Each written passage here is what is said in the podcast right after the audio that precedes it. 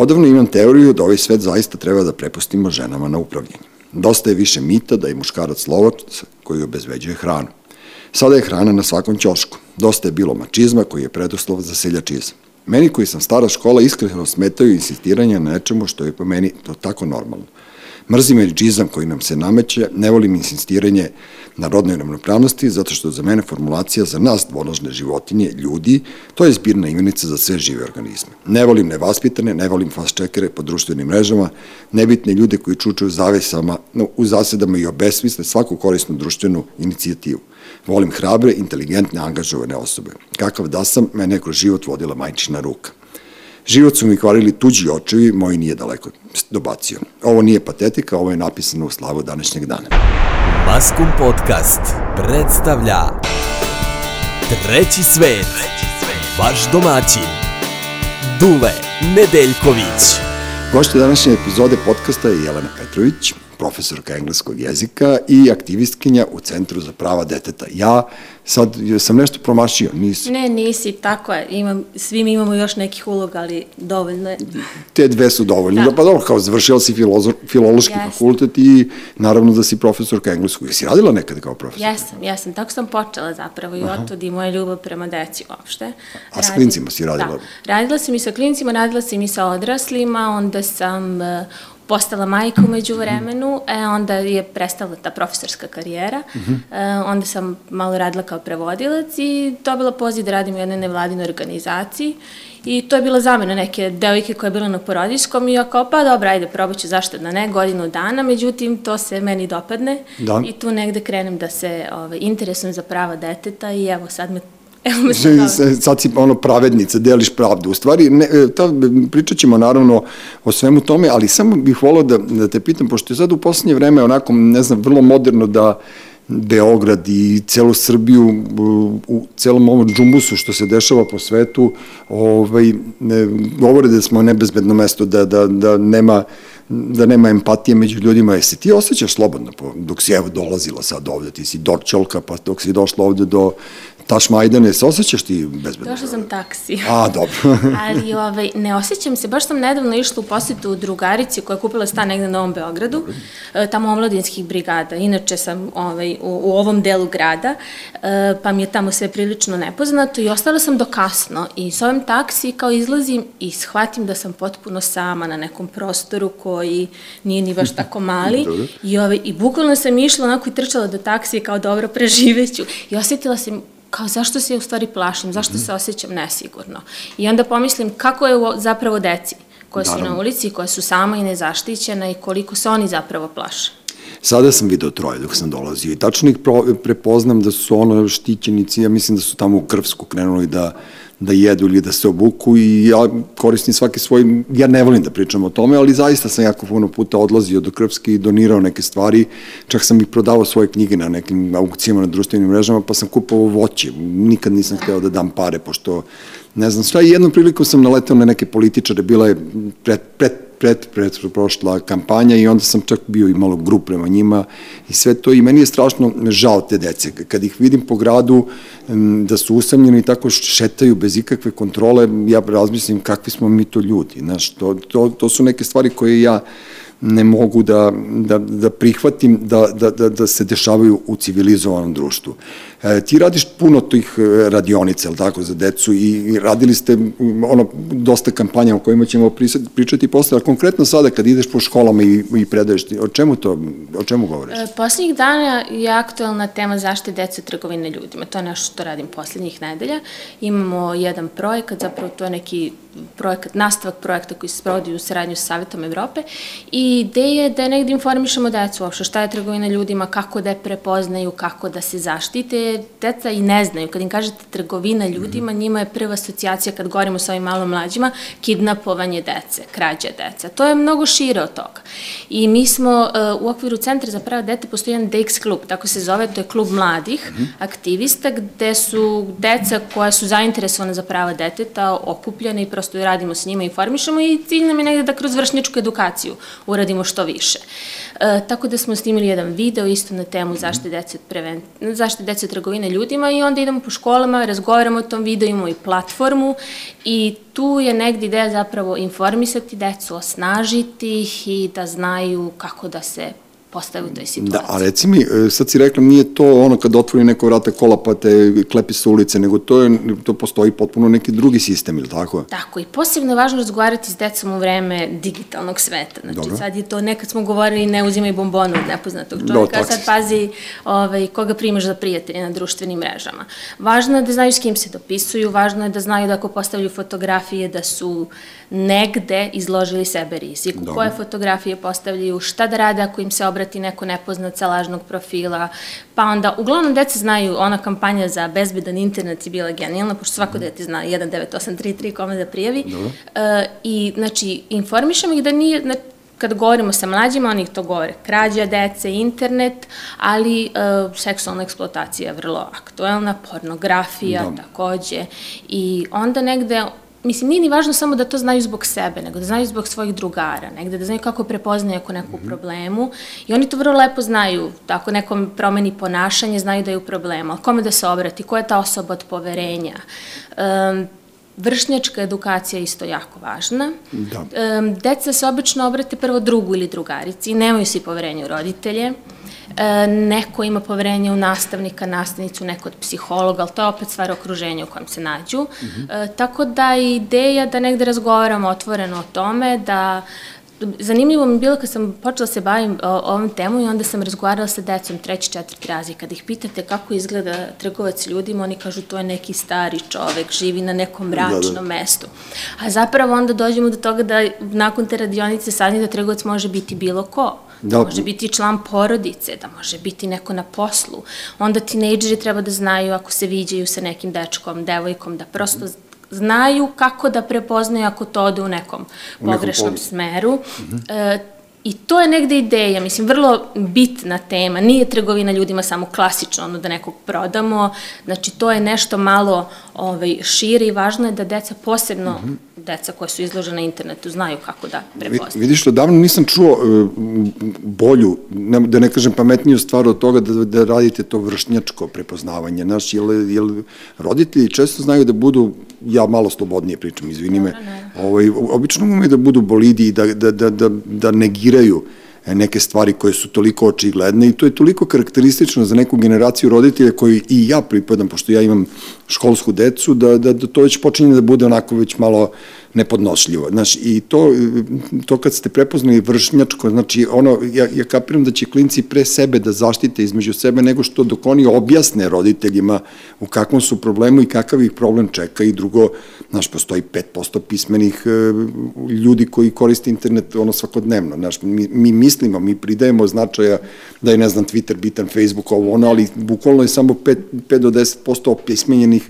tehnološki klinci su mnogo više nego, nego Tako. stari roditelji. Mnogo više znaju, a i ne možemo ni da očekujemo da roditelji znaju sve prosto. Tato, pa to ti kažem. I ne umeju, nekad imaju dobru nameru, prosto ne znaju kako. I negde jeste prva osoba koja se obraćaju drug, najbolji drugi ili drugarica. I zato negde jesu važne ove edukacije. Znači, ja uvek pitam kao kad završimo tu radionicu, mm. dobro, šta sad vi možete da uradite? Pa kao možemo da kažemo drugu drugarici. Znači, da širimo te informacije, da oni između sebe. A ta vršnička edukacija jako bitna, jako važna, jer oni na svom jeziku, nisu ni svi, ni sve procedure, ni svi... Sve isto, da. Nisu uopšte prilagođeni dečijem jeziku, ne razumeju deca. Mislim, ako govorimo recimo o maloletničkom pravosuđu, to je isto jedna tema kojom se bavimo, deca dosta toga ne znaju jer ne razumeju. Kapiram. I onda su, va, važno je da oni imaju, ja kažem uvek, njima informacija je moć, što više znaju. E, recimo, kad smo gledali te video trgovine, ljudima -hmm. ih pitam, dobro, koji je prvi utisak, koja je emocija? Kažu strah, bes. Ja kažem, dobro, što strah? Zato što ne znaju. I prosto što više znaju, taj strah nekako splašnjava, nekako da, pa, jer da. znaju kako se zaštite, znaju kom da se obrate. Počinje da bude deo njihove ličnosti i počinje normalnije da ga prihvataju. Ali sad kad si rekla ovaj, da ne prepoznaju jezik, pa kako bi prepoznali kada recimo moj sin dobio u trećem, drugom ili trećem razredu osnovne škole mačka Tošu da čita, I u prvoj rečenici Mačka Toše ima za mene četiri nepoznate reči. Prvo, prvo mi pitao šta je sinja kukavica. Evo, Uroš zna i on ima klince isto u školi. Ja nisam mogao da mu objasnim da li je to tužna, da li je to neka pogrbljena, da li je to ne znam nija kakva, znaš, pa onda kao taj taj neprilagođeni jezik, arhaični, ipak je Branko Ćope živao pre 50 godina, ja sam voleo, možda sam ja prepoznavao u svoje vreme, ali moji klinci to ne znaju danas. I onda je vrlo bitno tu literaturu ili već te limflete, pamflete ili već šta, prilagoditi njihovom uzrastu i spustiti se na taj nivo, mislim, ne, oni su, jesu mala bića, ali oni još uvijek nemaju iskustvo koje mi imamo mi stariji. E, ta trgovina, decom ti znaš vrlo dobro i ja znam da, da, da, da je tu ono najviše bilo na, na granici sa Rumunijom i to ne treba kriti, da i treba ljudima objasniti. Na, u istočnoj Srbiji postojali su čak i u Temišvaru ne mogu da kažem pijaca, to mnogo glupo zvuči, ali, ali, jest. ali jeste. Ali jeste. jeste bilo, da. U stvari još uvek je, verovatno, ali niko ne reaguje na to, to, mi, to je meni potpuno... Pijaca gde zapravo bira mlada. Jeste. Ona e, priča o dečim brakovima dovedu je? E, deči rani prinudni brakovi, ja sam se jedno par godina e, bavila tom temom. A ko je to deči? To znači on 1, 10, 11, 12 godina, pa, devoj... u stvari, je, u stvari yes. oni prodaju devojčice, ne prodaju dečake. Mislim, t, e, ima raznih formulacija, deči rani prinudni, po našem zakonodavstvu taj rani brak je zapravo omogućen, zato što je to negde sa 16 godina uz saglasnost Centra za socijalni rad, ako se proceni zrelost, dete može da stupi uh, u mhm. bračni odnos. Tako da to i dalje deči. A deči među, oni su uglavnom karakteristični za romsku populaciju na ovim prostorima i to su uzrasti 10, 11 ja, da, i da. tako da. rano. I to su Sve mi je jasno, nego, nego kažete, tu, tu se prodaju devojčice ili dečaci? Ili to uglavnom devojčice. To je uglavnom vezno rodno zasnovano nasilje i devojčice su te koje su u većem riziku i kod trgovine ljudima da. i kod dečijih brakova i nisu slučajevi redki i, i dečaci stupaju uh, rano u te brakove, rane dečje brakove, ali su devojčice uvek u gorem položaju. Dečak ostaje u svojoj porodici, a devojčica menje, dobija praktično nove roditelje. Mm -hmm. Ove, tako da to je ozbiljno kršenje prava deteta. To nije karakteristično za naš, mislim, jeste i, i, i ona moja baba je pobegla, znaš, ono svoje vremena su da, to govorili kao... Ugovoreni brak. Da, ugovoreni brak i ona je pobegla za dedu, to je bilo znaš, nešto s čim prvi put kao Znaš, kao mama i tata su se upoznali u Dubrovniku kao neka ono ljubavna love story, a baba i deda ti pa ko baba pobegla, kao ja sam je, otprilike išao sam ja kolima po nju i ja sam je ukrao. I onda sam ja tamo, pazi, to je u Šumadiji bilo, znači ja se sećam, nije to tako davno bilo kada nije, su da. otimali devojčice, dovedu je, oni kažu doveli smo mladu. Uh -huh. I to se slavi. I to se slavi, da. A mlada, brate, ona ima 15 godina, ne zna gde je došla, ali ona je tu. I onda se desi da mlada pobegne, ali oni ne odustaju i klepe sledeću mladu, tako da... Naš... I to je prekid u stvari detinstva. No? Kako u prekinuto detinstvo, ukinute sva moguće šanse da se neko edukuje, obrazuje, da Jest. sutra bude samostalna, nezavisna žena. Ja kažem, negde to ni, koliko nije dobro za individu, nije dobro ni za društvo. Imamo ekonomski zavisne uh, individualce kasnije i čak ako se ne vodimo ovim ljudskim, da. empatičnim modelom, možemo i time da se vodimo, da prosto se što više radi na edukaciji. To je ključ Re, sve. Reci mi, ovi, sad, pošto si ti imala edukaciju po inostranstvu, ja malo skačem s temom na temu, pošto imam toliko stvari da te pitam, ja ono prosto, e, ti si radila edukaciju po inostranstvu. E sad, ja opet iz neke pozicije lokal patriotizma, jesmo mi najgori u Evropi ili postoje neke, ono, gore teritorije od nas? Pa ja sam uvek optimista, ne to mislim kako da si smo... se ti osjećala na Novom Beogradu, tako se ja osjećam recimo u, u Skandinaviji. Znaš, ja, ja, ja, meni, je, meni Štokholm recimo liči na, na tako neku pustoš Novo Beogradsku da se ne osjećam uopšte dobro. Ja sam bila u Amsterdamu, mm. ovaj, 7 dana neke edukacije i to je baš bilo neki projekat uh, vezano za devojčice, ekonomsko opismenjavanje uopšte devojčica i dečaka, ali akcenat je bio na devojčicama. I tu su bili praktično ljudi iz celog sveta. I nismo naravno najgori, prosto uvek je to, ima raznih, zavisno na kojim nivoima, ali je, divne su te razmene, prosto tad sam bila baš sa deca, mislim, ja sam da. bila tad najstarija, ovaj, deca su bile mladim, jedna divna grupa uh, dece u Vranju, sad su već tinejdžeri koji su osnovali svoju, sad su već na fakultetu, nisu tinejdžeri koji su osnovali svoju nevladnu organizaciju, mm -hmm. uh, Naš svet, naša pravila se zove, stvarno su sjajni, s njima sam išla i prosto sam tad videla koliko je, vidit, kad pratite dete sa kojim se radi, ne, ne mislim na formalno obrazovanje, nego na neformalno obrazovanje, te edukacije, prosto vidite u kakve mlade ljude oni izrastaju, samosvesne, sigurne, obrazovane i koliko je važna ta edukacija.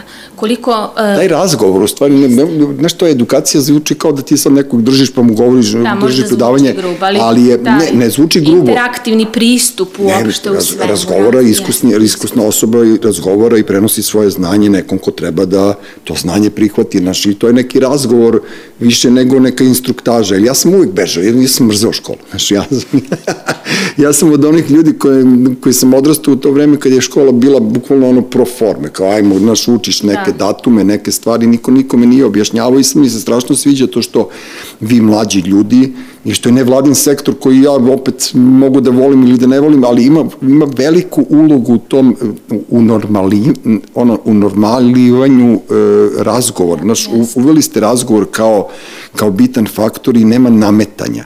To, da. to, to, to je ono što se meni sviđa. E sad, kada, kada te, sam te pitao za te e, ono, edukaciju u inostranstvu, e, ti si razgovarala sa kolegama sa svih strana. E, šta mi je palo na pamet? E, kada smo radili pro, prošli podcast koji je na, nažalost okončan smrćom našeg dragog druga Duleta Mašića, e, sukopili smo se Bojana Maljević i ja. Ona je radila film o trafikingu, o prodaji ljudi, dece, žena već, šta?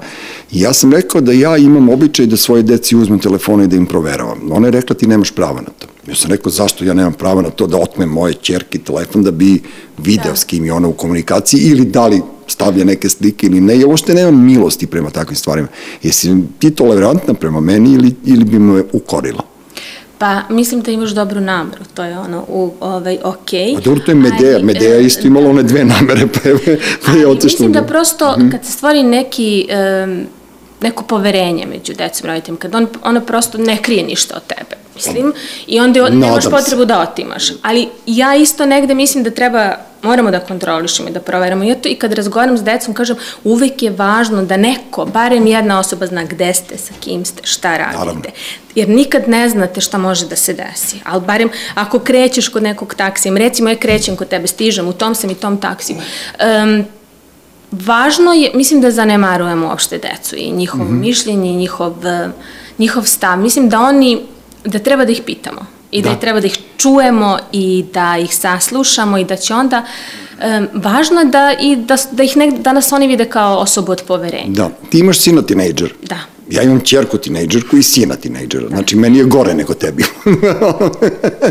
E, kako, kako, kako izlaziš na kraju? Ono, ipak ne su izlazim. to, da, ipak su, ali ne, ali to su never, ali, e, znaš šta, ja se ne sećam da smo, ne mogu, ne mogu govorim, mogu govorim samo svoje ime, ja znam da sam ja imao neke tu, ono, ne znam, da sam malo bio kao, kako ti kažem, drčni prema roditeljima, da sam istira, ono, ne, nešto istiravao svoje, ali da. nisam znao da, da, da to ono, naš, od ulaznih vrata do svoje sobe tri puta promeri raspoloženje. raspoloženje. Tako da ono, kako izlaziš na kraju? Da, meni nije baš lako, pošto sam ja ono kao ne, to samohrana mama, ja, ne volim to da nemoj kažem to, samohrana, ja kažem solo mama. Solo mama. to mi lepše zvuči. A ne majka, pa, kraju kraju. Da, ali recimo da ne gajim sama dete, ali sama živim s njim i to i dečak je baš i to je e, prilično zahtevno, mm -hmm.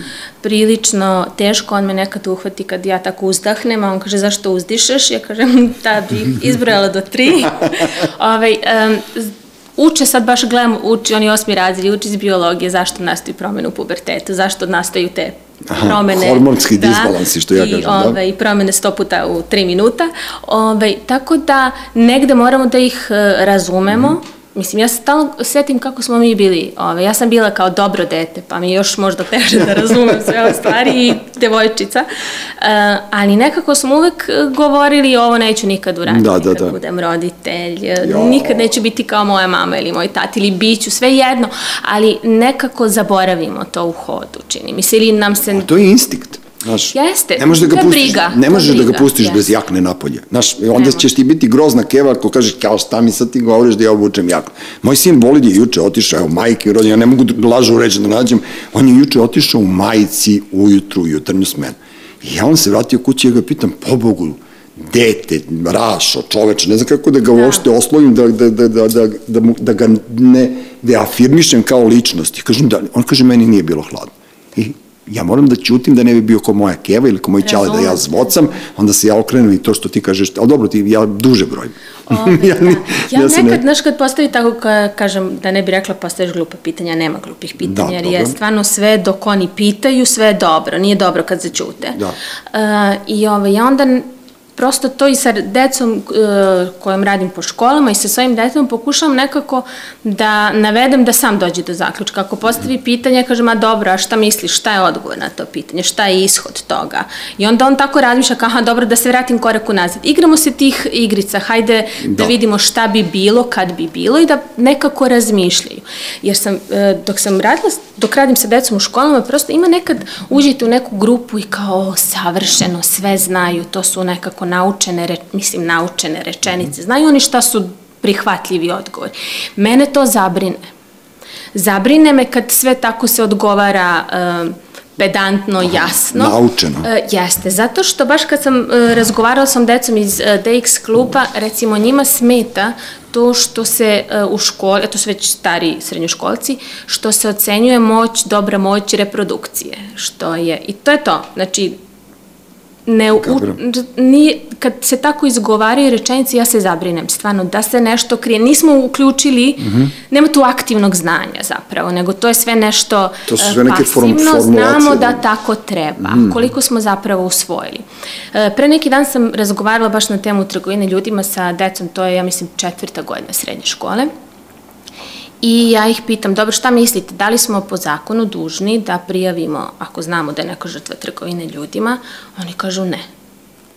Ja kažem, dobro, i onda mi razgovaramo i dođemo do toga, dobro, prihvate oni da to jeste obaveza. Ja kažem, da li biste prijavili nekom kada biste videli da se dvoje tuku na ulici, da muškarac tuče ženu ili ne?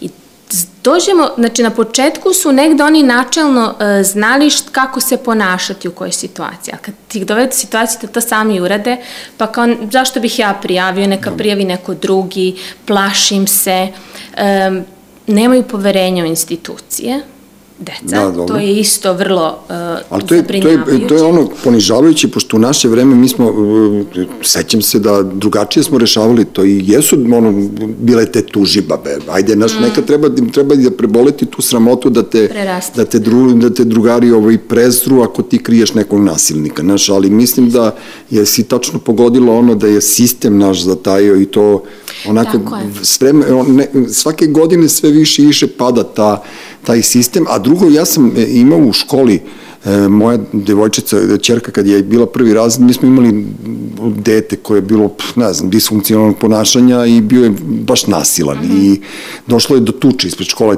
između dvoje roditelja i na kraju kad sam ja pitao direktorku zašto nas su ranije izbacivali iz škole kad napraviš bilo kak, pogledaš nekog mrko, razumeš? Ne, da sad je zakon štiti takve i onda si ti tu potpuno obeshrabren da čak i reaguješ u nekim situacijama, a to kada vidim, ne znam, vršnačko nasilje pa se snimaju mobilnim telefonima, znaš, ja nemam tu toleranciju i mislim da tu kod mene postoji ta nulta tolerancija. Kako se to rešava kod vas pristojnih ljudi, normalnih ljudi? Ne, ozbiljno, jer ja ja sam, ja se autujem kao, nisam ja nasilnik, ali ja ne mogu da, da kako ti kažem, kad bi tebe neko napao na ulici ispred mene, ja ne znam kako, znam kako bih reagovao, a to po novom nekom sistemu uopšte nije tolerantno, to nije adekvatno, ja bih trebao da razgovaram s tim nasilnikom, pa onda da ga upozorim, umesto mu udarim šlavačinu i da ga oteram, otprilike kako sad to ponovo decu navići da, da eliminišu nasilnike iz svog okruženja? Uh, Znam da ti je, da je to teško, ali ti si Jeste, ipak u e, kontaktu s njima, znaš, ne znam. Teško i prosti, mi se isto bavimo edukacijom o štetnosti telesnog kažnjavanja Da. da. deci, koliko je to. Ali to je, mislim, potrebno, to je generacijski negde bilo. Ljudi su, roditelji su tukli decu zato što su nasledili to od svojih roditelja prosto. Videli su, da. Kulturološki negde Da, da. bilo, decenijski nasleđen model i nisu znali drugačije. I mislim, i danas ima situacija kad mi prosto, kad roditelji tuku iz nemoći. Mislim, zašto neko nekog tuče? Zato što ne zna drugačije. Pa ne, ali zašto, zašto bi uopšte i došao u situaciju da tučeš nekog?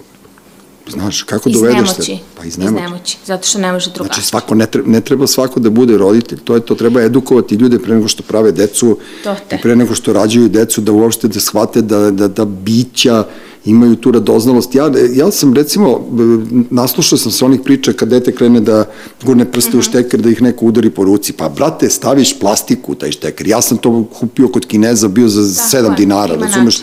Znači, za sve ima načina, kao imali smo neke niske prozore, ja sam odmah udaljio fotelje. Znaš, neću da se kao nemoj da skačeš, pa ja sam kao, ne, sve, stalno sam bio u fazonu, ja to zovem simulator. Znači, kao piloti što imaju simulator za neke neočekivane situacije, kao pada avion, ugasi se motor, tako ti imaš simulator za život. Yes. Ti moraš da simuliraš, da shvatiš šta može da bude prepreka koja će dovesti do nekog problema u koje tvoje dete ne znajući, ne, da prepozna problem uleći. I onda dolaze tu kreteni i biju tuku decu. Meni to potpuno ono... To je klasična nemoć. Mislim, prosto u ovo poslednje vreme, ove, kad smo svi izloženi uh, ovoj zatvorenosti, izolovanosti, neizvesnosti, što da. je najgore od svega, dešava se. Ima ona kampanja svako može da pukne, mm -hmm. mislim, slogan u stvari, e, kad govorimo o mentalnom zdravlju, a kad govorimo o što o roditeljima, ja kažem, je, to je jedina uloga u životu za koju se mi ne spremamo kažem, sve druge testove prolazimo i u školi, i za fakultet, i za posao, tolika silna testiranja, a jedina uloga za koju nekako se podrazumeva da smo spremni onog trenutka kad nam se rodi dete, uloga roditelja je vrlo težak posao i to, ne, to se uči. Mislim, mi imamo neku platformu koja se zove roditeljstvo se uči mm -hmm. i to jeste proces. Ja kažem, svako od nas želi da bude dobar roditelj i niko svesno, bar kad kažem niko, mislim na no. većinu funkcionalnih ljudi, svesno ne vređa dete, ne tuče, to je neka nemoć. Da. I Pa ne znam, znaš šta, to, to, ono, ajde sad da ne analiziramo, da. se ne bojimo time, pošto nismo doktori, ni ja ni ti, ali ja kapiram da to vuče koren duboko, ono, u neku prošlost, u nekoj, neki pradeda je bio, ono, ne znam, nasilnik, pa je to onda krenulo, znaš, i, i neke te frustracije izbijaju kada, kada ti je na dohvat ruke neko nemoćan ko ne može da ti vrati. Znaš, jel takvi, to, to su obično ljudi kukavice, znaš, to ti isto sad na društvenim mrežama kada ne znam, vređaju neke uspešnije ljude ili neke ljude koji nešto kažu što se oni protive, onda dolazi do tog masovnog vređanja iz mraka, Mene su hiljadu puta vređali, nikad mi niko na ulici nije rekao reč, nikad mi niko nije startovao da mi kaže. Znači, to je ta nemoć, znaš, ta, ti udarci iz mraka, e sad, ti treba da svoje dete da zaštitiš od toga, znači, kad kažem tvoje dete, ja mislim zaista na svu decu. I sad, ono, e, ako si nesposoban za tako nešto, zašto si ti stidljiv da, da pitaš? Znaš, ja sam kao, kad sam trebao, kad moja supruga, kako je stomak rastao, ja sam čitao na kvarno neke knjige, ono, Znaš, ono, stvarno su bile ono za najgore, ono, za najgluplje, ono, knjige za najgluplje nema roditelje. Veze, ali nema veze, da. zato što zapravo roditeljstvo ne znamo ništa, osim toga što smo mi imali roditelje u okruženju ili svoje roditelje, pa smo gledali neki model, mislim. Ja, ja sam imao najveći strah da dete ne počne mene da doji. Majke mi, ali ne, ja ne znam zašto, zato ozbiljno, ja sam, kad mi, sam, kad mi je čerka došla, e, kad sam je donao kući, moj prvi sad, ona suze s njom, ja sam držao nešto, kao olovka je bila, i ona je mene čapila ovde za majicu, kod kod, kod da. ove bradavice i kao krenuo i ja sam bio u fazonu, znaš, zaledio sam se Šta sad? I što, kao šta sad, ja nemam mleko i kao brže bolje sam je ovo i dao suprugi. Tako da, znaš, kao, meni je to bilo, meni je to bilo zabavno. Za, ja, to je dobar pristup da. svemu, zato što je tvoja žena imala tvoju podršku. Jeste, naravno. Ono. A nemaju sve žene. Neki se uh, ljudi prosto promene, ja kažem, znam i za muškarce koji se promene onda kada do, postanu roditelji. A to je baš zbog toga što nisu nisu nismo spremni. spremni, ne znamo ništa o tome. Ja kažem, e, kad treba da se dođe kućni ljubimac u kuću, pa je to čitav istraživački proces. Da, da, da, da. Ova rasa, ona šta jede kad spava, a šta radimo pre nego što treba da dobijemo dete? Redko ko se informiše o bilo čemu, mm -hmm. a i prosto i da se informišemo nismo do kraja spremni na razne iz... I razmišljala sam zapravo da svi očekujemo neku najbolju verziju deteta. Kad razmišljamo uh, kako bi volili da nam izgleda Jeste. dete, niko ne misli da će dete imati možda neki problem ili da će biti naravi kako nam se neće dopasti, ja, nego razmišljamo najbolju verziju deteta, kao što roditelji ne biraju. Da, da, da. Tu tako ni deca rodite i treba se snaći u toj situaciji, prosto nije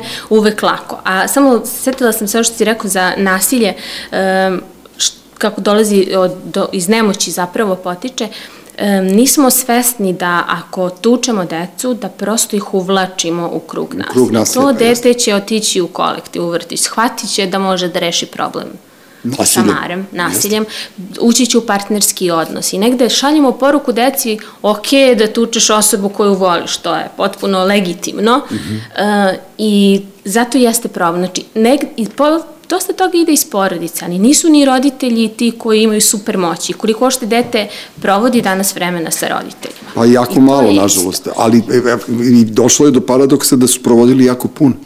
Znaš, i, i da. evo, malo pre smo pričali i sad sam se setio da, da možemo na blag način da dođemo do toga, ne, mislim, moja supruga je u savetu roditelja osnovne škole i bili su na sastanku sa psihologom i direktorkom gde je ona kao, ono, rekapitulirali su protekle dve godine, baš to što se tiče ponašanja klinaca, opala im je živahnost, ajde, znači mhm. ja ću sad onako to proizvodno da kažem, opala im je živahnost sa recimo nekoj skali, na skali je bila 8, sad im je opala bukvalno na 2 Znači, nema više jurcanja po hodnicima, nema da. vrištanja, da. nema skičanja, ovo ono, i prepoznali su 13 dece koji su postati na lečenje, da su im prepoznali neke onako suicidalne namere. Mm. Na vreme su oni kao to prepoznali i videli i oni su, deca su u okviru porodične terapije idu, prolaze kroz taj proces. Šta sam primetio?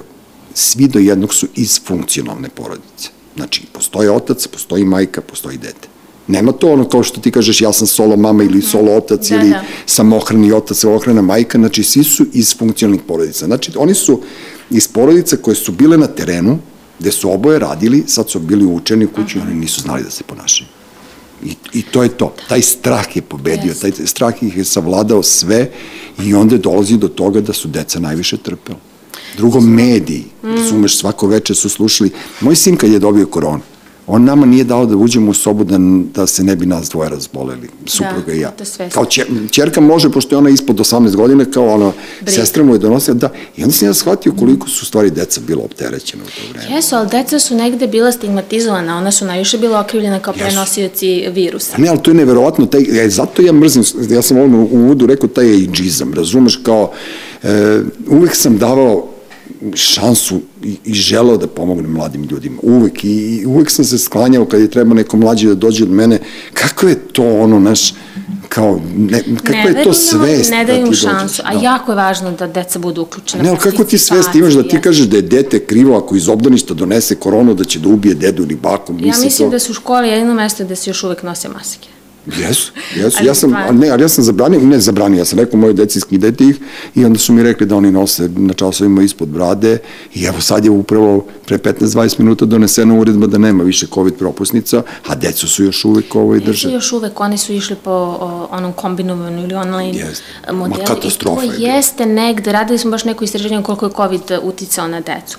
Strašno je, koliko su oni osjećali isključeni iz svega. Njih niko nije pitao, recimo, kad, kad organizuju model model online nastave, da li njima to odgovara, s kim žele da bude u, u grupi kad su bili oni kombinovani, potpuno su bili isključeni. Skroz, i, i bilo je su prepostavljeni. to jako smeta, oni se osjećaju nekako skrajnuti, stalno su se pitali kad smo razgovarali s njima, što smo mi krivi, što mi prenosimo virus. Da, da, da, ne, ali to je ta priča, ja sam terao decu iz kuće sin je igrao futbol ispred zgrade, to mi je strašno drago, a klinci naši su se skupljali ispred kafeterije, onda kad su otvorili vrata, onda su ulazili Anjin, ovaj, to je osmi razred.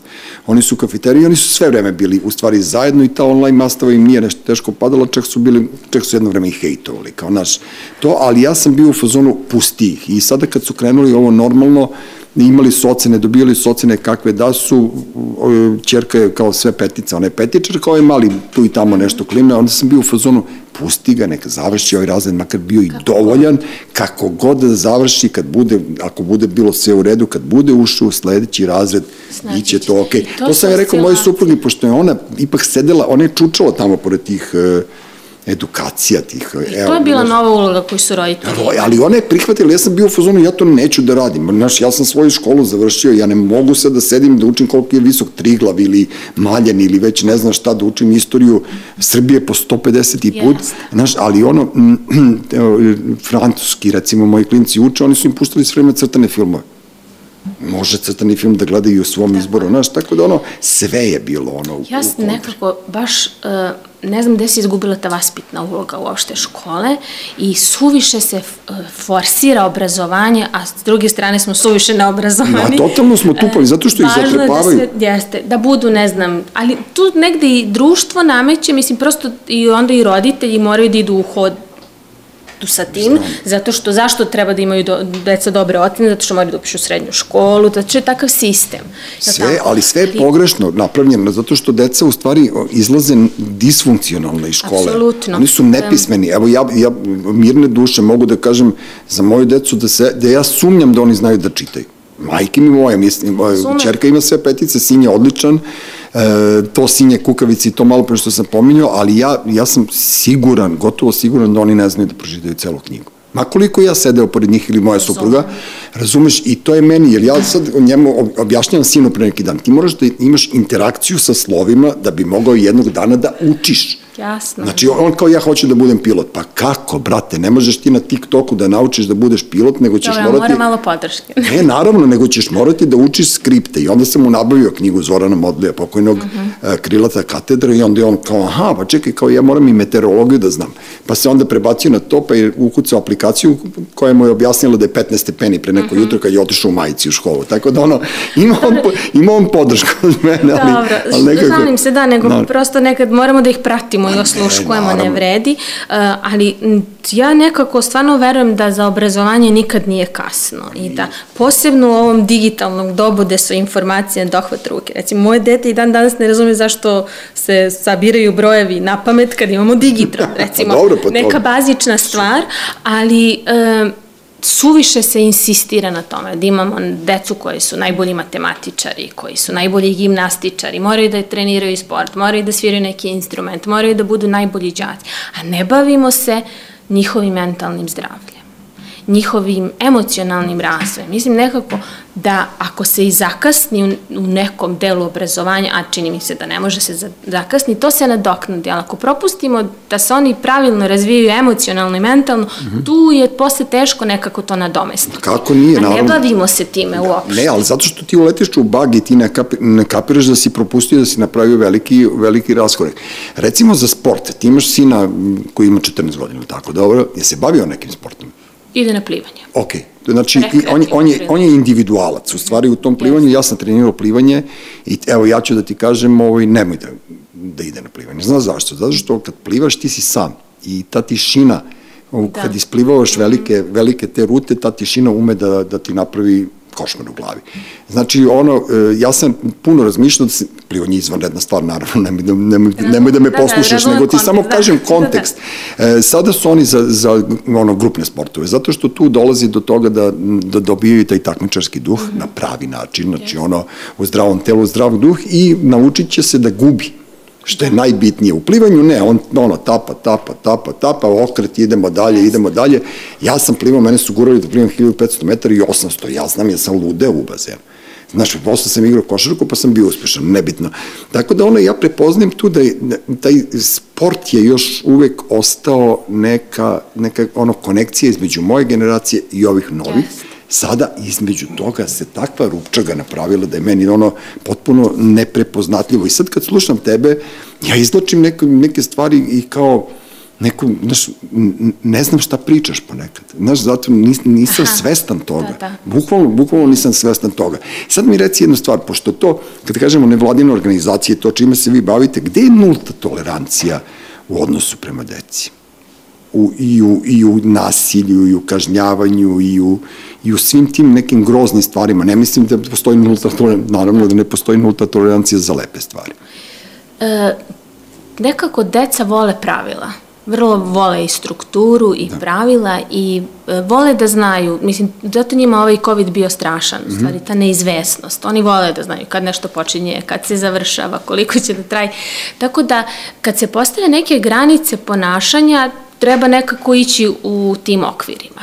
Ne možemo, ni, ne važe ni sva pravila baš za svako Naravno, dete. Svako dete je individua i prosto negde to zavisi i od roditelja, koje su naše očekivanja uh, od deteta, a nekad roditelji imaju previše očekivanja mm -hmm. i ne prate mogućnosti deteta tu dolazi isto često do nesklada. Mm -hmm. Ako govorimo o sportu, zaboravila sam, moje dete ide na planinarenje, to je jedno divan, divan sport, prosto... Gde? Ovaj, To je balkanski, e, Balkan se zove planinarski klub Balkan. Gde, gde se penju?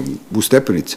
Ne, žalim se, nego gde Svuda idu? idu, išo- da, idu- Kop, Tara, Zlatibor. Rtanj, ne znam, razne ovaj. Ja sam imao išli fobiju su i toga. po inostranstvu. Da. Oni imaju divnu učiteljicu koja je zapravo u planinarskom klubu i tako ih je sve ovaj, A eto, vidiš da se obukla. bavi sportom. Da, zaboravila sam u trenutku, da nije ovaj, ali ide na planinarske kampove, pa recimo, to je zim, zimske, letnji, to su divna druženja. I ono što je divno, tu sad mala digresija, a, kad odlaze na te kampove, zna se, nema telefona. Ne nose se telefoni, Lepo. isključuju se telefoni i oni usvoje to. To je Znaš, konekcija, se ne buni. ali konekcija sa prirodom je užasno bitna. I tu su razne interakcije već. To je ono aktivan kamp uh, 24-7, bukvalno. Um, sad sam zaboravila šta smo... Pričam, pa ne, ja, ja sam te pitao za to, gde je je taj point, ono, u diskriminaciji, u diskriminaciji, u nasilju, u tom odnosu prema, prema klincima. Pa, prosto ja kažem, nijedno nasilje nije A ne ta diskriminacija, ta deafirmacija kao čuti ti, ti si mali, kao aj beži To tamo šta nikako, ti imaš da to kažeš. znaš, nikako, to, su, znaš. to su neke grozne stvari, ali kako to da objasniš ljudima? Znaš, dođe neki, neki otkud znam, primitivac, kako drugačije ga nazovem, koji ima ženu primitivku, a dete je problem. I sad neko poput tebe tako normalan, nežan, ljubak, kako već da ti kažem, ti sad pokušavaš na neki normalan način da mi objasniš i ti imaš bizgova preko puta sebe. Kako sad to... Znaš kako sam ja Kako se boriš tim, naučila majke da razgovaram s ljudima. Uvek pomislim da da se niko ne ponaša tako nekako svojevoljno. Ima nešto što ga tera da se tako ponaša. Neko je bezobrazan, Okej. možda neki odbrambeni mehanizam. Tako da, to je isto kao i sa decom. Znaš, pomisliš uvek zašto je neko dete besno, zašto je bezobrazno, Dobro, dobro. e, zato što ga nešto muči. Tako mislim da i s tim ljudima, a negde ja stvarno verujem da nedostatak informisanosti je u stvari reakcija na to. Ja ću da tučem svoje dete zato što znam da tako treba. Mhm. Ali ako mu ponudiš drugu opciju, i kažeš da to nasilje će e, da njemu uruši samopouzdanje, da neće izrasti u dobrog čoveka, da na kraju krajeva to nasilje može nekada bude usmereno i na tog roditelja, Vratit ćemo se što se kaže. Tako je, ovaj, mislim, to je stvarno dugotrajan proces i treba da se radi. Kad razgovaram recimo sa e, socijalnim radnicima, njima je isto jako teško. Znači, puno tu ovaj, ima obaveza e, i puno je tereta na njima, nema ih dovoljno. To je isto kao i sa e, psiholozima, psihijatrima, nema dovoljno, ima mnogo više problema. E, nisu uvek svi roditelji spremni da prepoznaju i da prihvate da nešto nije u redu. Da, ali kad neko drugi, recimo ja prepoznam da nešto nije u redu i sad kažem, e, moj komšija Mhm. preko puta mene tuče dete, na primjer, maltretira, dere se svaki dan. Da. Koga ja zovem? Pa centar za socijalni rad. Ili probaš da razgovaraš sa njim, Da. ili ne znači da će centar za socijalni rad Ne, znam, ali problem, zato ti kažem, zato nažalost. što mislim da oni, Ali- oni ja znam iz iskustva Ili da oni, možda, evo ja recimo šta radim, kako da se oni prave, decom. bukvalno se prave mrtvi, znaš, ono kad kažeš Jeste. kuće, to pravi se mrtave, tako socijalni rad reaguje na neke stvari, jer znam, kažem ti, imao Nekad sam, reaguju, nekad ne, ali to je sad isto, oni ovaj, ne stižu sve, mislim, sve to je individualno, nisu, Pa nisu posvećeni, jednostavno nisu posvećeni, nisu plaćeni za svoj Nisu posao. plaćeni, Ne, ja, ja, znaš kao kad kažu kao jao, jadna policija, jadna, jadni carinici, oni moraju da budu plaćeni. Ne, treba da budu plaćeni profesori, treba da budu plaćeni edukatori, treba da budu plaćeni instruktori koji rade i treba da budu plaćeni socijalni radnici. To Tako su je. ljudi koji i vaspitači po domovima na kraju krajeva. svi koji rade ti- sa decom, stvarno treba, prvo treba budu kvalitetni. Nama se negde i urušilo sve zato što prosto taj poziv nije dovoljno plaćen i onda ljudi koji vrede negde ne odlaze da rade e, u škole. Iako ima divnih ljudi koji rade Ne, sa naravno, decom. ja- ja imam ali, super iskustvo, da. e, prosto svi ljudi koji rade sa decom moraju da prođu određene edukacije. Jasno. E, ja sam na fakultetu istavila metodiku nastave, psihologiju, to je prosto, a ja sam samo mali segment koji radi sa decom, ali e, meni je bilo interesantno, recimo, dala sam jednu učiteljicu koja nije imala ugovor na neodređeno u školi, ona je na svaki šest meseci morala da ide na neke evaluacije, na procenu, da li ona uopšte može da ide. A neko ko ima ugovor na neodređeno Može ne da radi što hoće, da. I to mi je bilo neverovatno, znači ne radimo ni te procene, prosto koliko je neko, uh, u mogućnosti spreman da radi sa decom i da prihvati sve izazove koje moderno i roditeljstvo i ošti društvo nameću. Ne, ne, užasno si mi sad bila simpatična kad si rekla kao kako obuzdavaš e, te neke ono malo, malo besomučnije tipove, jel koristiš ti neko ono, znaš, ja sam čerke, ja sam ti rekao malo pre, da. smo krenuli, ja sam moje čerke kada je bilo ono, krenula ona, ne znam ja kako ti kažem, ogavština oko, oko devojaka koje su E, prijavljivala je napastovanje e, kada, kada ono je bilo ne znači ne i ja sam stalno govorio šta vam tu nije jasno, znači ne znači ne i onda sam ja objašnjavao čerke kad ti kažeš nekom ne, a on krene dalje, ti onda njemu lepo spucaš e, suzavac u, u oči i onda ćemo mi posle toga da razmišljamo da. o tome ili šoker ili već nešto, sva legitimna sredstva su e, po meni ok da se devojčica odbrani od nekog napasnika, a i dečak na kraju krava. E sad kao, kako to, sad ti naš polaziš iz toga da si ti dobra duša, da si ti znaš, da. naučena i toliko toga znaš i toliko toga si videla i ti i dalje, ono, kako ti kažem, nadiš, e, imaš nadu da su ljudi normalni. To je hrabrost, jel? Majke mi Pa jeste, mislim, kad sam A ne, kad te vidim tako za onu, da, ne znam. da za onu situaciju da na ovom Beogradu shvatila sam, pomislila sam i ja na taj suzavac iskrena da budem. A ne, ozbiljno ti Nije mi bilo sve jedno, zaista, ali ne mogu sad da širim strah. A ne, ne širimo, ovaj, nego ti kažem... Ne, nego kažem i sa decom, prosto treba da. raditi, ali treba se zaštititi. Da. I ne treba, meni nije isto sve jedno kad šetam sama gradom. Ja sam razgovarao sa Anželkom iz anti-raping centra i ona je e, sa mojim isto Bože, sve su pokojni moji drugari, ja ne mogu više da verujem ko je sve poumirao za ove dve godine. Igorom Karavanim, oni su radili na tekvando e, kurseve za žene koje samoodbrane. I sve to, i ona je onako naš ma, sitnije građe, međutim, ona je tako lepo to naučila, jer ona je jedna od žrtava i ona je okupljala te žene i radila radionice s njima. I onda sam od nje zapamtio to da ne može uvijek rečima Slažem znači, se, nažalost. Ok, pokušavamo mi, pokušavamo da, da, da, To je negde ono da se osnažimo i da. ja kad si rekao to baš za devojčice, nedavno smo radili jedan projekat uz podršku američke ambasade e, pod sloganom Stani uz mene, mm -hmm. ovo što devojčicama, koliko je važno e, neformalno obrazovanje, kao, jer znamo da sad deca uglavnom idu na neke aktivnosti, sport, uh, muzičke sekcije, mm -hmm. glumačke sekcije, koliko je važno um, ko radi sa tom decom. Mi zapravo ne znamo ko radi sa decom u neformalnom obrazovanju. Da li je taj trener, um, učitelj, nastavnik samim tim što je uspešan bio u svom poslu, da li je on dovoljno kompetentan da radi sa decom? To se ne pitamo. Da, nikada, često. da, nikada, da. E, nego, aha, moje dete će ići... Na, on ima komercijalno ime. Tako je, tako je, i on je uspeo u svom poslu, ali da li on prosto ima kompetencije da radi sa detom? Pa ja ću da ti kažem nema, evo ja znam iz ličnog iskustva, pohvalio bih jedne, ali pokudio i druge, ali neću da, da pominjem Nemoj. imena. Oboje su uh, jako poznati sportisti. Jedan ima kamp za futbol, jedan ima kamp za basket. E, jedan od njih dvojice nije dobar. Znaš, ne ozbiljno, ali treba se raspitati. Zato služe roditelji, zato, zato služe kažem, mozgovi. Zato što moramo sve, o svemu, kao što o planiranju porodice, tako i svemu treba istraživati, ispitati, raspitati se. Da. Moramo da znamo ko uči našu decu, ko provodi vreme sa našom. Super su vam spotovi, ko vam radi spotove?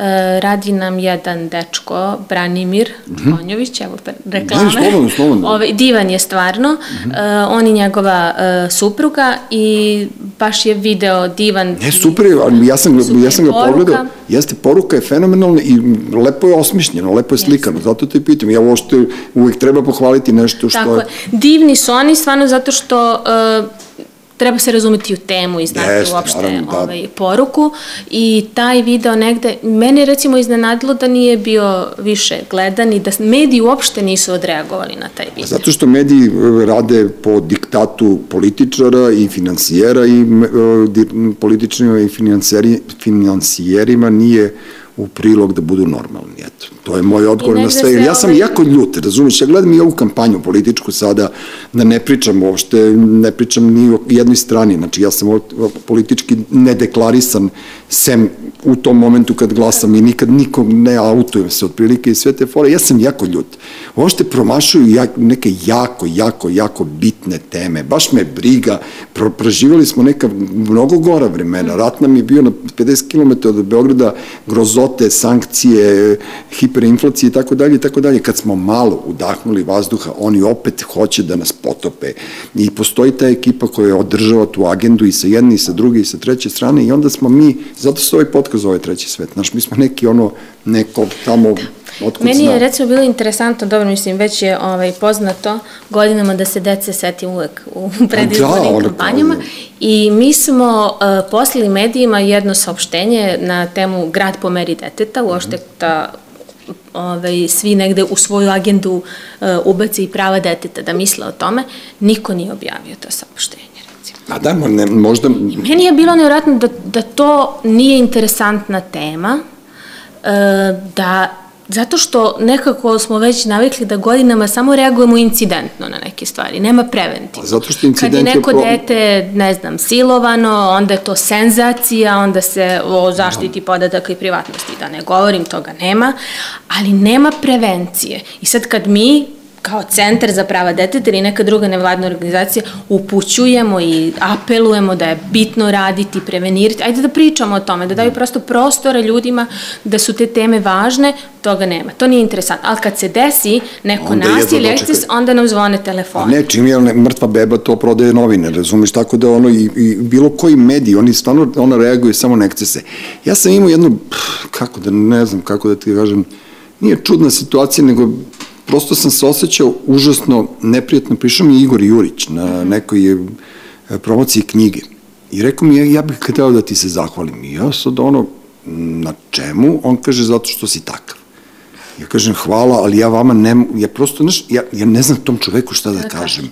A njemu su dete oteli i ubili. Znaš, kao, meni je ono, u tom trenutku se srušio sav svoj svet, moj svet, ja bukvalno, mislim da je to jedini put u životu kad ja nisam znao šta da kažem nekom. Da, njegova borba je neverovatna. Ne, ali ta, to, moj, moja brbljivost u Logoreju je u tom trenutku bila prekinuta. To je čovek koji je nastradao zbog toga što ti mediji su zauzeli i okupirali naše privatne živote. Ušli su nam u kuće, ušli su nam tu da seju strah, paniku, da, sreju, ne, da seju neraspoloženje, umesto da jednog trenutku kažemo stop. A to ne možete vi kao iz tog mm, centra za prava deteta, ne znam, ne mogu da kažem ljutite, ali vama je jedina adresa javni servis. Verujem. Ne, ne, Tako ne, da ove ne, privatne ne, televizije... da se ljuti, nego kažem samo koliko Ne te teme nisu a, a, zanimljive Ne, vama je, vama je adresa, vama je adresa javni servis, razumeš, a ne ovo, ovo komercijalna televizija, oni su rke, koke, to nema, nema neke velike razlike, nego prosto... Važno je uopšte, mislim, mediji su tu da šire, oni su prosto važna karika u svemu ome što mi radim, bez njih je i nemoguće. A zato kažem ja ti- kažem onaj, uh, kad sam ti rekla za onaj uh, broj za bezbedan internet. Jedan, da. Da, prosto svako dete zna taj broj, zato što je to bila nevjerojatna kampanja. I važno je da se priča o što tim tema i tu mediji prilično pomogu. Ali moraju svi mediji, znaš, neko čita ove medije, neko, ne treba doći do svih ljudi. A zna, znam, ali, ali kažem ti, uloga medija današnjem društvu je potpuno obesmišljena z komercijalom i potpuno obesmišljena, jer u medijima rade ljudi koji nemaju inicijativu ni za šta. I ako pokažu inicijativu, oni budu sasečeni u korenu, tako da mi moramo da nađemo, ovo je sad gerilska borba. Naš, naša deca žive, mi smo prla i tihi, mi smo ono, roditelji deca od, ono, tinejdžeri. Naš, naš, naša deca rastu, Uroševo, tvoje dete, moje deca, svi oni tek sad rastu i mi se sad borimo gerilskim putem da do njih, da im kažemo, deco, živite u takvom i takvom svetu, ali oni to nigde neće moći da čuju. Jeste i nekako, ja kažem, razmišljala sam koliko ošte ono kao godinama smišljamo neke strategije protiv tog interneta, on je štetan, on je ovakav, onakav. Ne mora da znači uopšte. Prosto nije. Nije, nije, naravno da nije. I ne treba, ka, gledamo kako da nekako decu sklonimo sa uređaja. Nije poenta da ih sklonimo, nego da to vreme koje provedu budu kvalitetno i da kontrolišemo šta gledaju. Mislim, nije važna količina, nego kvalitet. Pa. Nikako da se nekako prilagodimo, ne možemo da im oduzmemo, prosto živimo u digitalnom svetu i to je. Da. Hajde da A se... Šta moji klinci gledaju? Istine i laži. verovalo ili ne, ja sam oče. Gledalo i moje. Ja sam oče, majke mi, ja sam bio u fazonu, znaš ono, oni... To mi smo gledali bolji život ili šta mi se Nemam pojma, ali oni dijalozi kao, kako si, dobro sam. Jel ti lep, što ti je lep pas? Lep mi je pas. Znači, ja, i sad kao, ja gledam sad, aj, brate, gledaj TikTok, one revače, Da, da. boksere, gledaj nokaute, otkud znam, ali dobro, svaka, svaka Ja generacija sam bira shvatila da u svoje. stvari nije loše nekad sesti i gledati s njima to što Ja, ja nemam, ja nemam ja život za to. zapitkuju i onda shvatiš u stvari šta njih interesuje. Dobro. Ali isto tako nisam obratila pažnju ono kad smo provodili više vremena dok je bilo sve ono zatvoreno ovaj, i pošto moje dete ide u muzičku školu, totalno je u muzici i gleda one spotove na MTV ili ne znam ja pogledam to su nevjerojatni specijalni efekti. To šta sve njima može da padne na pamet, ja razmišljam koliko uopšte ne obraćamo pažnju šta gledaju, a šta može da im da ideje. Oni izazovi, TikTok, Ja, znaš, TikTok shvatiš izazovi, jeste. da moraš da pričaš, ti kažeš simuliraš Mhm. situacije da vidiš kako razmišljaju. Znam, to, to ti je to, ne, ne, ali, ali te, ne možemo mi da uhvatimo korak s njim, nema šanse. Da. Sad je, sad im je fascinacija e, pobednica pesme Eurovizije. Ja mislim da su ono, da ne postoji pet ili šest devojčica koje nisu, ono, ono umetnica Da, da, mora da. biti zdrava, neki gif napravili za TikTok i A prihvatili su, da. moja čerka je idejni vođa odmah bila toga. Znaš, meni je to čak bila i simpatična ta pesma. Vidim da ljudi kao kreću nešto da ne da je hejtu, nego ošte, znaš, kao, u svemu traže kao svađu. Pa Pa, da, da, pusti je, ono kao, meni je super što je neka moderna Jest, pesma. jest. Meni se ta pesma stvarno ne sviđa, onako iskren da budem, ali ima neku foricu, pa kao, valjda to naš bolje ona da nas prezentuje nego Aca Lukas, mislim, na Tako kraju je, nešto krajeva. novo, mislim, prosto treba dati šansu Jasno novim stvarima. jasno mi je to. ovo sve već nekako već viđeno. E, tako da. Vaša kampanja između jave i sna, je li tako se zvalo? Nešto, Da, to je bilo je- isto super. To je video, baš sam ja ovaj, radila zajedno sa decom na tom videu Mhm. e, i zašto smo nazvali uopšte između sna i jave obrnuto, kao šta sve može da se desi na putu do ostvarenja snova. Jer ideja je zapravo, kad smo govorili o trgovini ljudima, zašto su neka deca ranjivija, obično deca iz disfunkcionalnih porodica ili deca bez roditelja, siromašna deca i kao sanjamo snove, zapravo deca sanjaju i onda im neko na tom putu do snova nudi mogućnost da brže ostvare snove, a to obično bude taj trgovac ljudima. I u stvari su deca ispričala priču tu. Ja sam bila samo tu sa njima. Ti si ih samo moderirao. Da, pa recimo, ali su u scenariju su malo to ne oni sami osmislili. I da, ispričali priču i super je što onda de, druga deca kad ih slušaju razumeju ih. Zato što je to njihov jezik. Naravno. E, a, da ne zaboravim da te pitam, e, ta preventiva, e, kako se to sad e, tačno zove, preventiva da se uvenčavaju deca mlada. Uh Mhm. -huh. to je ovaj Ovaj rani deči brak. radni deči brak, izvini, e, i na tome radiš, naravno, i to je... E, Ovde sad u okviru centra nemamo trenutno Ne tih projekta, ja se ranije bavila time na 3-4 godine, ali... e, Je to problem kod nas veliki ili je to izolovano ipak Nije. malo? Uh, UNICEF je uh, nedavno osnovao pre par godina jednu nacionalnu koaliciju Mhm. za sprečavanje dečjih brakova i ja sam baš u toj koaliciji. Prosto tu je neophodan multisektorski pristup. Znaš, ne moraju da budu i akteri te priče, to uglavnom u Srbiji su romska populacija Mhm. uh, izložena ovom problemu i u većem riziku romske devojčice, uh, ali ne mogu sami, znači potrebno je saradnja škole, centre za socijalni rad, policije, Da, ja, da. mora da se razgovara sa roditeljima, mora da se razgovara sa decom. Ja sam davno radila i sa roditeljima Romima i koga god da pitate na kraju da li bi poželao istu sudbinu, kad majku pitate da li poželao istu sudbinu svoju čerku, naravno da ne. E, ta deca su negde lišena detinjstva, nemaju mogućnost da se e, obrazuju, da jednog dana budu nezavisne. E, To je vrlo kompleksan problem i treba puno vremena i puno strpljenja da se radi na njemu, ali nekako kad radite sa decom, ja se sećam radila sam u školi, pa su to bili ciklusi radionica i sad smo uvodili ih u temu postepeno, zašto deca napuštaju školu. Da nekako dođemo do uh, saznanja, jer uh, kod njih je vrlo, oni su u riziku od ranog napuštanja školovanja, isto između ostalog i Da, oni jako braka. rani, da, jeste. I oni sami uvek kažu da je to e, rana udaja, jedan od uzroka. Onda smo razgovarali, recimo, šta je uopšte brak? Da li znaju šta su bračne uloge? Mislim, ne znaju, onda tu ispoljavaju izviru razne, Da, da, da. razne problemi, uh, uloga majke, uloga oca, ošte žene. Ja se sećam svaki put kad krene druga radionica ciklus, uvijek imam neki osjećaj u stomaku da ću zateći iste devojčice tu. I svaki put se obradujem. To je tako li, tako divno kad vidiš da si opet nekako nekom doprineo Da do- da dođe nešto. Da ojača. I neki su devojče su pisale srednju školu mm -hmm. i to mi je jako drago. Ovaj, ali to su pojedinačni slučajevi, mislim. E, sad sam se setio kad smo bili klinci, mi smo radili online radio program Ritam srca se zvao i on je posle pret- pretvorio se u B92, Gorica Nešović, moja kuma i ja smo e, radili sa Brankom Kuzmanovića, ako, se ne, ako nisam zaboravio, on je psihijatar, radili smo temu prostitucije. Uh -huh.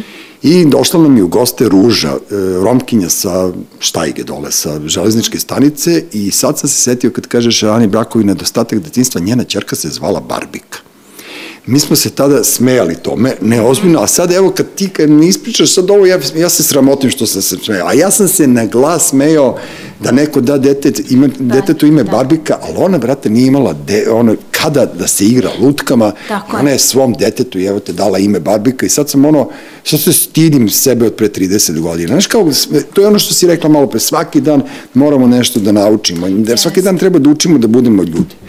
Ozbiljno ti kažem, mislim... Baš to.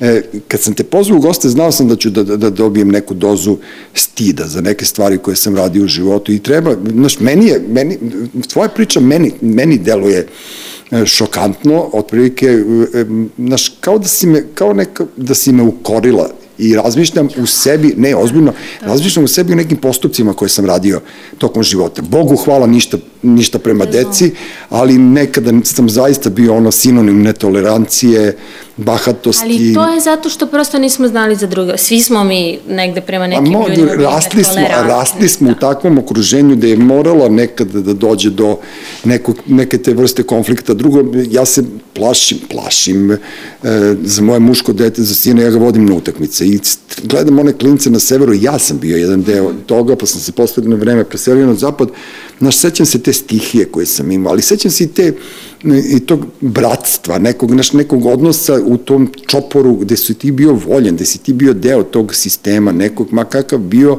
a naravno da je uvek bio blizu, bliži kriminalnom nego, nego tolerantnom, tako da ono, znaš, ajde pustit ću, pa neka, neka samo. Pa ne možemo da kontrolišemo sve. Ja se, kad je ovaj, e, moje dete počelo samo da odlazi kod tate i sad veče je bilo i sad tata kaže pa pusti ga, neka ide sam. I sad ja znam ono borba u Da, meni, znam da treba da ga pustim, da prosto, a plašim se. I, izmi, I hvatam sebe kako izmišljam razloge. E, idem ja do prodavnice, pa samo ću malo sa tobom da, Da, da da, da. prošetam. E, ali nekako mislim da to prosto... A jesi ga našoj- navikla da ti se javlja? Da. E, to sam ja. Se. Ja sam, ja, Ali ja sam, toliko da me non stop zove u školi, e, kad najmanja glupost, on me zove da mi kaže. I Da. sad, e, a što je dobro s jedne strane, mislim, ako kažem nemoj da me zoveš, to je ono što kažem, sve dok oni pitaju i pričaju, to je dobro. Jeste, jeste. Pa neka su, ovaj, i neka glupa pitanja nije važno, ali um, meni znači to kad mi se javi. Ma ne, naravno, ja, meni se oboje deca javljaju, stigli smo, Nekako krenuli smo. mirna onda. Ne, ono, kad kreneš u školu, stigli smo, kad Jeste, kreneš kući, tako. krenuli smo i onda ja u glavi uvek m, saberem, ali nekako sam ja mnogo izgleda brži. Znaš, moj, moj mozak mnogo brže radi od toga što njihove noge mogu, znaš, pa Kako ono kao... ona izreka, ne daj Bože da ti se desi ono što ti majka. Otac Jeste. misle, mislim, čega se plašimo. Da, ali sa, i, i koliko sam puta ja moje mami rekao i tati, evo, stižem, tu sam, Stiže, parkiram jeste. se, a ja sam bio... A neka smo živjeli bez telefona. A i, ne, ne, znaš, ali ne. Meni, moje majka i otac su meni rekli, možeš da radiš šta hoćeš i da ostaneš da hoćeš. Mi smo onda pre, prespavljivali jedni kod drugih. Da. Jer nije bio noćni saobraćaj, se završavao u 10 i sad kao moj drugar stanuje na Miriju, ja na Konjaniku, ja sam bio na banjici, bla, bla, i onda samo se javim. I onda se javim kao spavaću kod Smilje, spavaću kod Čarlija i kao sve u redu. To je važno, E, tako da. i ovo sada. Imali smo eksces, e, prošla pesma Eurovizije, e, pojavio se alkohol u našim životima, naše čerke i njene ekipe, ali e, posle sam ja se smejao e, organizaciji roditelja, dvo, nas dvojica na električnim trotinetima i jedan peške koji jurimo te vinovnike toga, a svi vinovnici su u stvari naša deca. Tako da, tako da mi je bilo simpatično, međutim na vreme smo mi to ovaj, uhvatili i tad sam se ono, bio ponosan na to kako smo odreagovali svi, kompletno razgovarali smo s decom i oni su sad više... A nije normalni. lako, to ono što kažem kad ja udahnem. Da. Znam kako bih možda instinktivno odreagovala, a ne smemo prosto. dobro, ali nešto- što Oni, Što, ali u redu i da budemo ljuti, mislim, i u redu i da budemo nervozni, pa Ne, naravno moraš da bez pokažeš emocija, emocije, ne, pa mislim, to pa ne- skroz je u redu, mislim. Ali ja mislim da oni prepoznaju, kad dođem i kad se tako zamislim, mene on pita, jesi dobro, kako je bilo na poslu? Da, da, da. Prepoznaju i to je dobro. Dobro. Ja imam loš dan na poslu i on ima loš dan u školi, mislim. Dobro, imaće sreće u životu ako bude prepoznao kad treba da ćuti. Da. Znaš, ja to nisam prepoznao nije. Ima ono kao, ja sam redko, je pametno ne pitati ništa, da li dobro? ja sam ovaj redko Nije tada. E, sad sam teo ti kažem, e, čitam ovde najvažniji, naj, e, najvažniji dokument u oblasti prava deteta na međunarodnom planu je konvencija o pravima deteta iz 89. godine. Da. Tako, to je Smo mi 195. ratifikovali, tako, i- Od 89. godine, znači ništa se nije promenilo, takva konvencija piše kakva jeste, a Jeste. umeđu vremenu se od 89. desilo prvo, ajde, tehnološka ta revolucija, pa, pa sve dalje. Zašto se na globalnom nivou više ne razmišlja o deci? Znaš, ranije je bio ono radost Evrope, pa kao UNICEF, pa ovo, pa ono. Sad sve mislim da, da sve manje i manje ima interesovanja za tako nešto.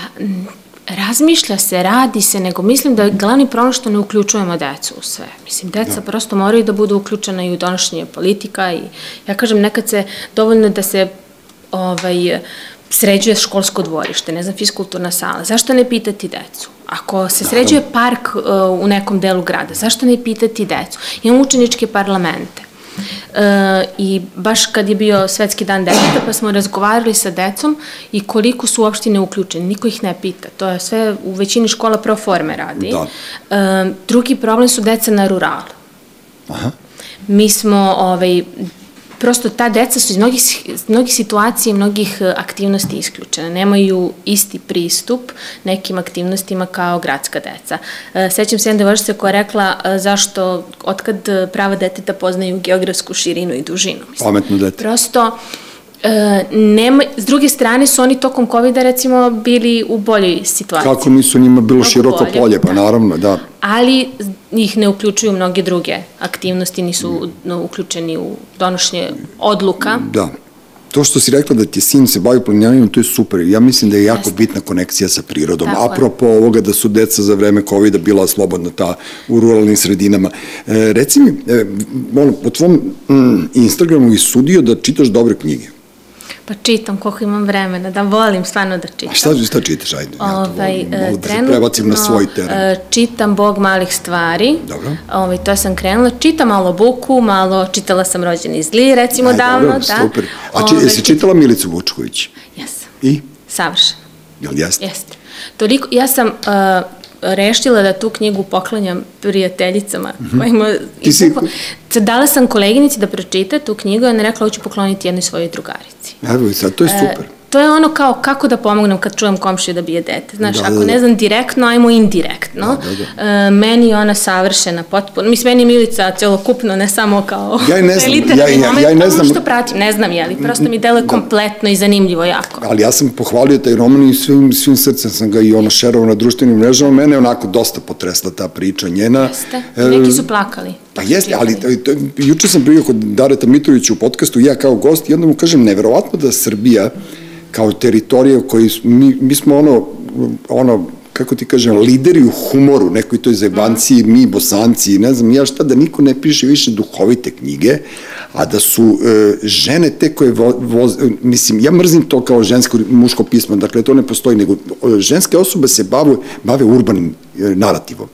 To je ono, ja sam dobio za rođen, rođeni zli kao nagradu za kao najbolji urbani narativ, znači Ana Rodić, Milica Vučković, e, e, kako se zove, Lana, Lana Bastasić, Jeste, one, one jeste, pišu sjajno. urbane priče u kojima ti možeš da prepoznaš neke stvari koje nam se danas dešavaju, a momci su počeli da pišu ono 19. vek, ne znam, neke naše Mm. trileri i ovo, ono, to mi nikako nije jasno. I sada je zaista došlo vreme da se mi povučemo, ne da se mi povučemo, ne, ne, ne, nego ono kao i u Americi što su najugroženiji beli muškarci, pa je Darko Lungulu, moj drugar reditelj, prošli put rekao, dosta smo jahali. Dosta je bilo dominacije belih muškaraca, ajde sad malo da pustimo nekog drugog. I ja sam zaista za to da žene preuzmu svet. Majke mi moje, da, da, da, da, da ne da naplatite to što su vas Razumem, da, godinama... prosto dati šansu, hajde da vidimo. Žene su nekako Ne znamo, ja znaš šta, Jeste, e, ne znamo kad, kad ti kažeš nekako, ja ne znam, ja, ja, ja, ja sam ono, e, blagosloven time što imam šest tetki. Znaš, moja majka je iz mnogočlane porodice. Ja imam sigurno preko 30 dobrih drugarica. Znaš, ja sam takav tip čoveka, on prosto, prosto uvek sam umeo da držim neku distancu i uvek sam kao kapirao zašto bi neka slabost napravila od mene neku, da ne pričam s nekim. Znaš, i, i da, da. mislim da su te žene u mom životu mnogo kvaliteta donale. Znaš, prvo što su me naučili, ne znam, nekim stvarima, hrabreste, brate, yes. hrabreste, znaš, ja, ja treba da odem da, ovaj... da, treba da odem da izvadim zub celom, ja pišem testament, ja, znaš, kao vi ste se ipak porađale, to je, to ti je ja neka stvar. Ja sam se šalila ovaj skoro, dok je moje dete bilo malo i kao ja sam to padne, nije ti ništa, ajde ustani se. Mm -hmm. Kako je krenuo pubertet, ja, boli me grlo, prehlađen sam, ja kažem, je to sad ono kao i urođeno, šta je, znaš, kao, ovaj, potpuno drugačije reaguje, nismo se tako obaspitavali. ovaj, tako da, a to kad kažeš žene su hrabre i mogu i nemaju prosto da treba im dati šansu. Ja se sećam kad sam ja ostala sama sa svojim detom i kao, razmišljala sam kako sad sama, ono, pre toga sam bila u dugoj vezi i braku i sve, prosto nisam živela sama.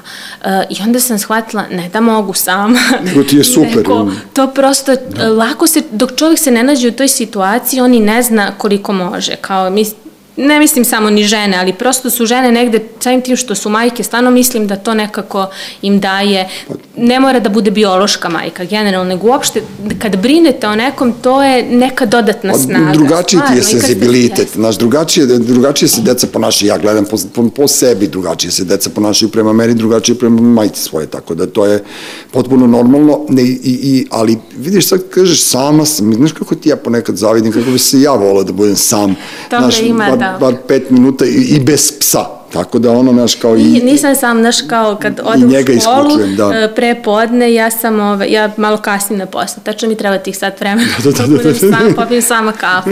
Tako A, da, dobro. to je okej, okay, neko ne voli da bude sama, nekom je prosto potrebno da, Čoveče, meni treba da se resetuje. E, kako ti kažem, čovek kad je sam, on je najbolji.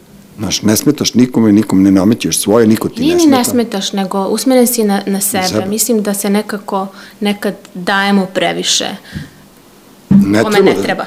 I, I ne treba da se dajemo i treba da budemo hrabri i, ovaj, i hvala ti puno, Jelena. Ovaj, drago mi je, ja sam malo tu iskakao sa teme na temu, ali, znaš, postoji neki ljudi poput tebe koji ja, sad bi ja tebe držao ovde ceo dan i, znaš, Pa dobro, bit će prilike, priče, bit će novih tema, možda bi, u okviru ovih. Pa, nažalost, nažalost će biti, ali ja bih volao da pričamo o lepim stvarima, znaš, jednog dana kao ajde sad nešto slavimo, ljubav, Može, slavimo, ne, ne, slavimo proleće, otkud znam. Tebi je rođeno sutra. U subotu. U subotu, dobro. Srećan ti rođendan, da, nećemo da kažemo koliko godina imam, još pa, uvek imaju. ali dobro. Koliko, 41? 42. 42. Ja sam imao 42 godine pre 14 godina.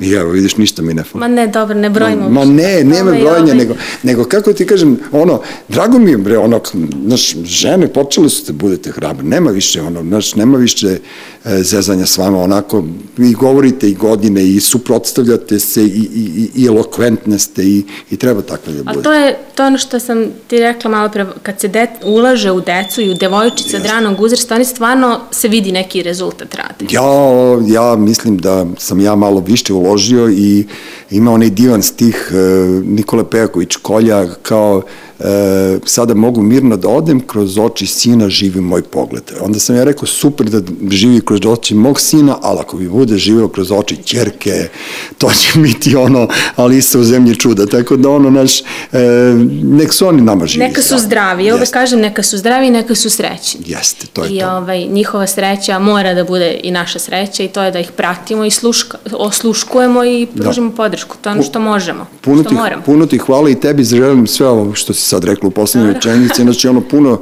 sreće da imaš u životu, da imaš taj lepi osmeh, ono, jer ipak naš, i, i imaš tu hrabrost, ono, kažem ti opet, eto, to je jedan moment ovog podcastu kad sam se malo postidao, kad si ti rekla da ti rečima zaustavljaš bizgove, ja prvo reagujem, pa onda pričam, tako no. da ono, znaš, Možda sledeći put bude Oprostite mi, profesorka, tako da ono, ako mi bude trebalo nešto za engleski, ako sin bude jednog dana pitao šta je Roger Over, okrenuću te, pa čisto malo da se vratiš na, na neka, ono, kako ti kažem, mladalačka podešavanja. Može. Što prva ljubav, znaš, ja, ja sam želao da studiram. Pa ja volim, ja, ja sam želao da studiram engleski. To je, ovaj, ja sam gledala kako da spojim književnost, jezik, Ma, dobro. i to mi je sve tako bilo lepo, ali da. ovaj, volim pišem domaće zadatke. Neke. Da, da, da, vi imate te, vi imate te fore, znaš, što ja kažem, neprofitabilna zanimanja, znaš, kao ti fakulteti, ono, e, bio sam učesnik neke tribine ovaj, o tome šta bi, kako bi reagovao da mi se sin autuje kao gej, ja sam rekao, samo da ne svira harfu sve, sve ostalo može da bude on,